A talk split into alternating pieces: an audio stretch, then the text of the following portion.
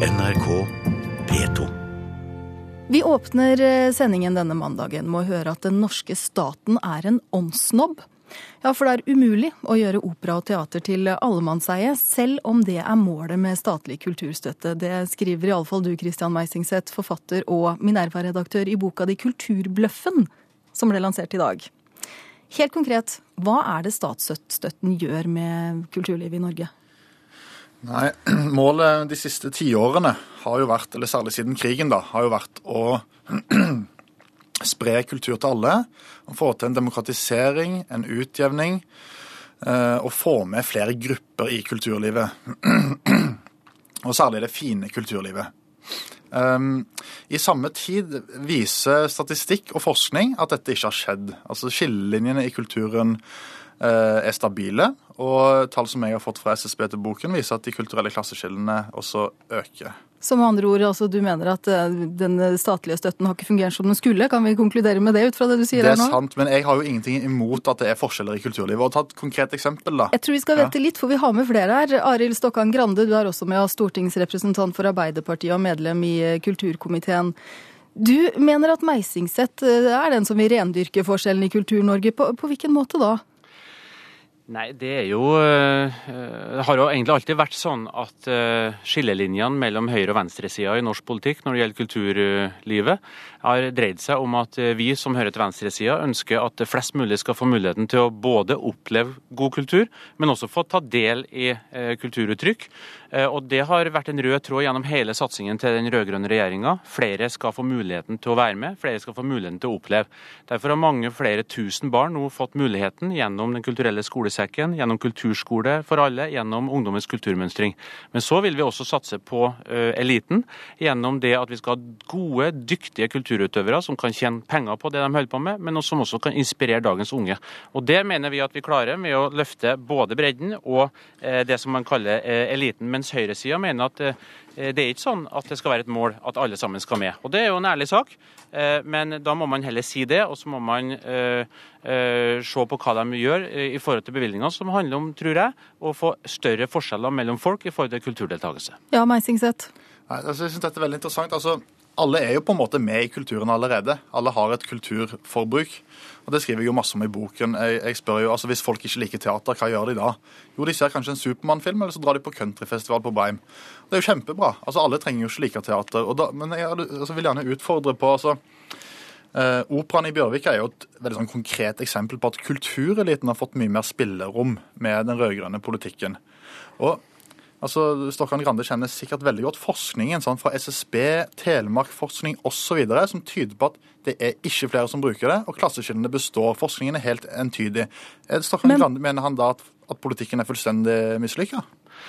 Ja, Det er mange måter å bruke eh, statistikk på. og det som er litt av Utfordringen med den statistikken som Meisingset her viser til, er jo at den er utdatert på mange områder. Den tar ikke inn over seg nye kulturbruken som mange unge i dag bruker, gjennom at de opplever ting på internett, gjennom at de opplever digital kultur.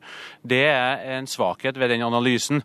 sånn at Skal man finne virkemidler som treffer, så må man i hvert fall ha med seg hele bildet. Det er interessant at du nevner kino og country. for Eh, noe av grunnlaget for at man skal kunne oppleve både kino og country, er at du har et tilbud over hele landet, eh, og at eh, storsamfunnet er med og eh, støtter opp om det. Og Det har man gjort, eh, både gjennom støtten eh, til norske kinoer, men også gjennom eh, at man nå har løfta countryen som en av sjangrene, som nå også får støtte gjennom fra det offentlige. Ja. Og Det har bidratt til at mange mange flere nå får oppleve den strålende kulturen som vi har i Norge. Ja, Meisingset, er det noe du har misforstått der, både når det gjelder tall fra SSB og, og andre ting i kulturlivet? Altså Det Stokkan Grande glemmer, er jo at eh, det er jo det frivillige kulturlivet og ofte markedet som løfter frem folkets kultur. Altså Countryfestivalen på Breim klarte seg i nærmere 20 år før, eh, før Huitfeldt kom i fjor og var så snill og ga to millioner. Og Da sa Huitfeldt, og det syns jeg også er ganske morsomt, altså, da sa hun nå er sjangrene endelig likestilt. Og så får Countryfestivalen to millioner. Operaen i Bjørvika får 550 millioner. Og da tenker jeg, skjønner ikke Huitfeldt at hun bygger sin politikk på på en måte da kulturelitens verdier. Ja, men hva, hva mener du da? Er det det at eh, staten Norge har blitt eh, en åndssnobb? Ja, staten Norge er en åndssnobb, og det syns jeg er helt greit. Det er jo jeg også, på en måte. At jeg liker jo teater og leser litteratur. Jeg har mastergrad i litteraturvitenskap. Og da, Det er også kjempeviktig, fordi på den ene siden må vi ha eh, respekt for folkets kulturbruk, uten å trekke det inn på teatret hele tiden. Men vi må også gi rom for kunsten, på kunstens egne premisser. Altså Hvis det er sånn at eliten da liker ny norsk dramatikk, så må jo teatrene få lov til å satse på det under Kulturløftet. Så dette skriver Enger-utvalget om i Kulturutredningen. Så har man økt bevilgningene til teatrene kraftig, men det skrives ikke flere nye norske teaterstykker nå enn tidligere. Ja, Stokkan Grande, har man, har man fokusert feil? Jo, men Det som er litt av eh, skillelinjene her, er jo at uh, Meisingset ønsker å bruke denne kunnskapen til å uh, skape enda flere skillelinjer i kulturdeltakelsen. For han sier at vi må slutte med den tankegangen om at alle skal med, og at vi heller skal dyrke eliten. Det jeg mener er at vi må heller bruke denne statistikken for å se hvilke grupper er det i dag som blir utenfor. F.eks. innvandrerungdom. F.eks. barn fra familier med lav inntekt. Hvordan kan vi sikre at de kan få muligheten til å delta på lik linje med andre? Altså- for jeg synes det er en verdi i seg selv i et samfunn samfunn. At alle får muligheten til å både uttrykke seg gjennom kulturdeltakelse, men også få oppleve den, de store stjernene på, eh, på verdensbasis som kommer til Norge og opptrer. Den innvandrerungdommen som Stokkan Grande så gjerne vil ha på operaen, den møtte jeg når jeg var på premieren til Man of Steel på Colosseum kino i Oslo. Så da var det, Jeg intervjua et utvalg av publikum der, og en tredjedel hadde innvandrernavn. Jeg vet ikke om de var innvandrere, men, men kanskje. altså og det, det, er noe som Grande aldri snakker om. Det er markedets evne til å skape folkekultur, til å inkludere nye grupper.